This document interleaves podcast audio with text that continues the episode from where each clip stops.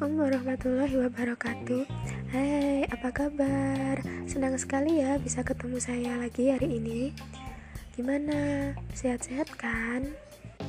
Nah, di podcast kali ini saya akan membahas tentang apa itu bela negara, upaya bela negara yang dilakukan oleh masyarakat di sekitar kita. Stay tune terus ya di podcast aku. Jangan ke mana-mana, oke? Okay? Nah, yang pertama itu ada pengertian dari bela negara di Indonesia. Bela negara adalah sikap dan perilaku warga negara yang dijiwai oleh kecintaannya kepada negara kesatuan Republik Indonesia yang berdasarkan Pancasila dan Undang-Undang Dasar 1945 dalam kelangsungan hidup bangsa dan negara yang seutuhnya. Nah, tiap-tiap warga negara berhak dan wajib ikut serta dalam usaha pembelaan negara dan syarat-syarat tentang pembelaan negara diatur dengan undang-undang. Kesadaran bela negara itu hakikatnya kesediaan berbakti pada negara dan kesediaan berkorban membela negara spektrum bela negara itu sangat luas. Dari yang paling halus hingga yang paling keras, mulai dari hubungan baik sesama warga negara sampai bersama-sama menangkal ancaman nyata musuh bersenjata. Yang tercakup di dalamnya adalah bersikap dan berbuat yang terbaik bagi bangsa dan negara. Nah, di Indonesia sendiri, proses dari pembelaan negara sudah di secara formal ke dalam undang-undang. Di antaranya sudah tersebutkan ke dalam Pancasila serta Undang-Undang Dasar 1945, khususnya pada pasal 30. Di pasal tersebut dijelaskan bahwa membela bangsa merupakan kewajiban seluruh rakyat Indonesia tanpa terkecuali. Nah, sekarang kita beralih ke unsur dasar bela negara.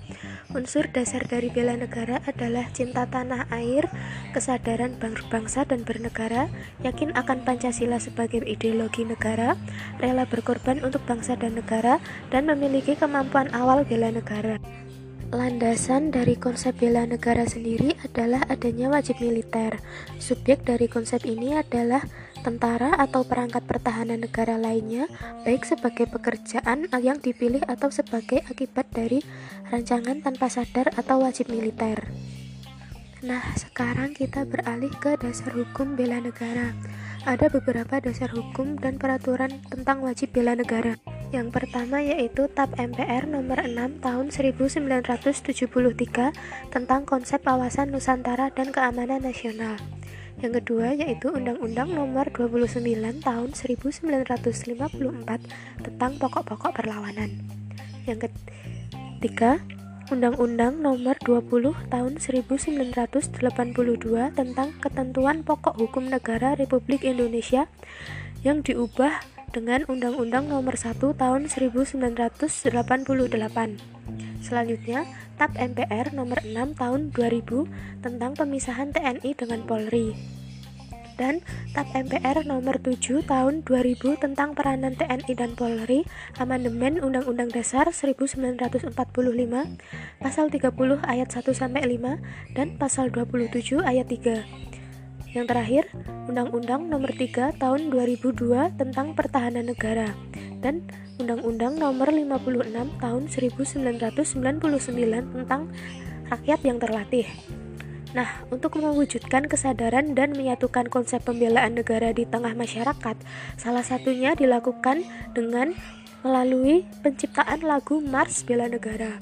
Nah, Mars ini di diubah oleh salah seorang musisi Indonesia yang memiliki nasionalisme, yaitu Dharma Oratmangun. Selain itu, dalam upaya menjaga kesadaran bela negara, dibuatlah sebuah momen untuk memperingatinya hari yang sudah diterapkan sebagai hari, hari bela negara yang dipilih pada tanggal 19 Desember.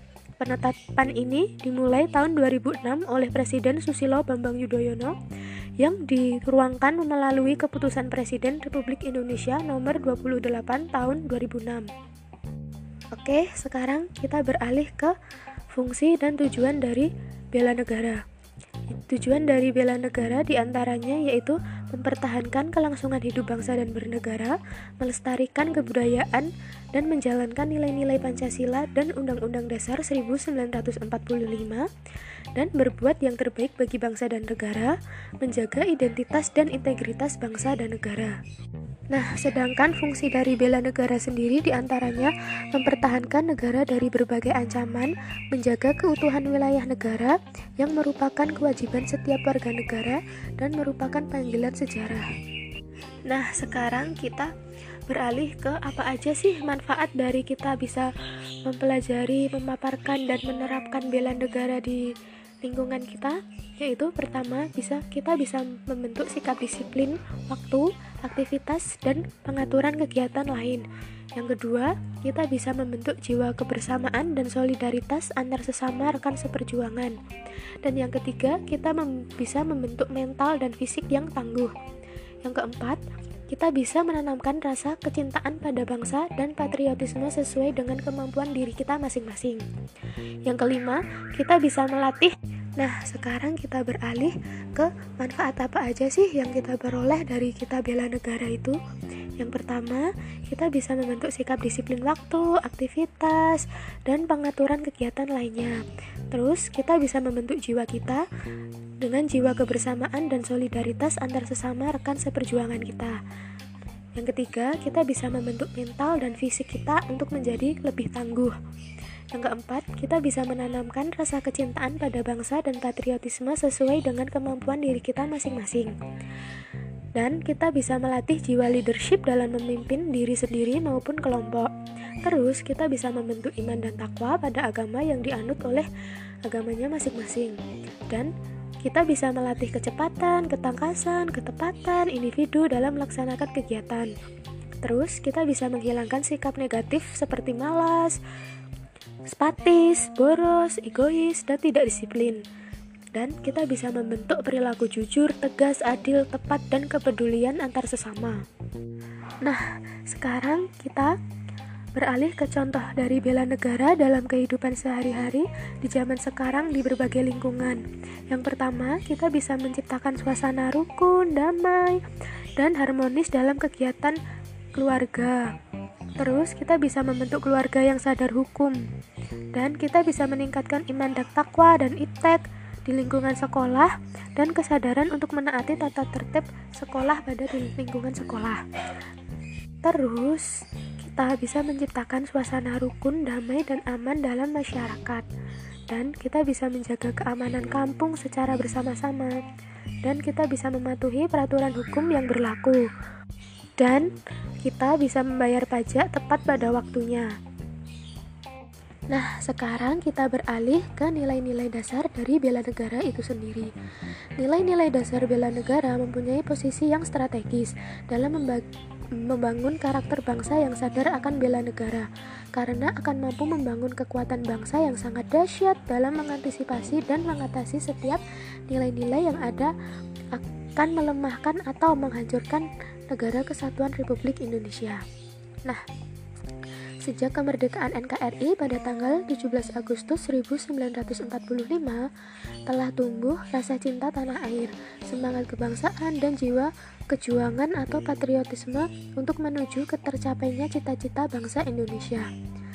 Nah, dengan kekuatan nilai-nilai dasar bela negara, bangsa Indonesia telah berhasil mengantisipasi dan mengatasi berbagai bentuk AGHT yang datang dari dalam negeri atau luar negeri dengan pengorbanan yang luar biasa, hingga saat ini memasuki era baru yakni era kemajuan teknologi dan globalisasi yang sangat tepat. Nah, Urgensi nilai-nilai rasa cinta tanah air sangat terkait erat dengan hati yang paling dalam untuk merasa bangga sebagai warga negara Indonesia dan ikut serta memiliki NKRI serta mempertahankannya sepanjang masa. Menurut Bung Karno, secara geopolitik, tanah air adalah Nusantara dan menjelma menjadi NKRI sebagai hasil perjuangan dan pengorbanan yang luar biasa. NKRI terbentuk atas dasar kesepakatan bersama yang berlandaskan Pancasila dengan sistem ketatanegaraan yang diatur dalam naskah Undang-Undang Dasar 1945. Nah, rasa tanah air akan dapat tumbuh jika seseorang mengenal NKRI secara utuh, meliputi sejarah perjuangan kemerdekaan Indonesia, kekayaan sumber daya alamnya yang melimpah, dan keindahan namanya yang luar biasa, sehingga mempunyai keyakinan masa depan yang gemilang.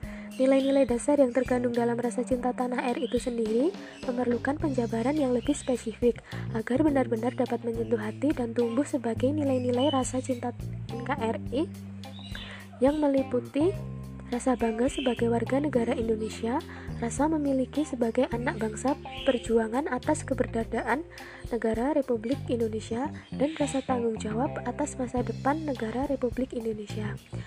Nah, urgensi nilai-nilai kesadaran berbangsa dan bernegara yang dimaksudkan agar setiap warga negara mempunyai sikap mental sadar akan berbangsa dan bernegara sebagai salah satu kesatuan nilai yang utuh lahir dari pemikiran dan jiwa yang jernih sesuai dengan semboyan Bhinneka Tunggal Ika.